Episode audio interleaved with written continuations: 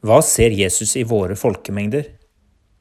I et samfunn som det norske, med gode velferdsordninger og helsevesen i verdensklasse, er det vel ikke mange som kan kalles forkomne og hjelpeløse som sauer uten gjeter. Eller når vi pirker litt på den norske fasaden, finner vi mye ensomhet i mengden. Opplevelsen av å være del av en flokk er svakere enn før. Men det er nesten skambelagt å ha det dårlig i Norge. For vi burde jo ha det så bra, vi som har så mye av alt. Vi skal aldri alminneliggjøre de mange dystre årsakene til at mennesker savner fellesskap og nære relasjoner, men vi kan alminneliggjøre selve tilstanden, for den rammer på tvers av alder, kjønn og samfunnslag. Ensomheten har flere ansikter. Mange kan kjenne seg ensomme selv om de har mennesker rundt seg. Da kan det dreie seg om det vi kaller for eksistensiell ensomhet.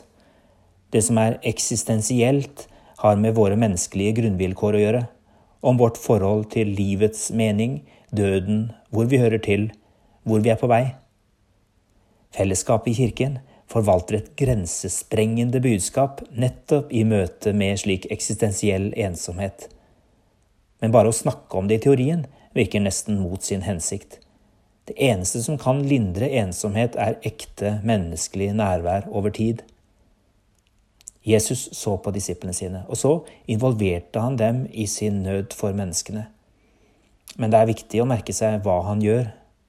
Han sier ikke 'dere må hjelpe alle som har det vondt'.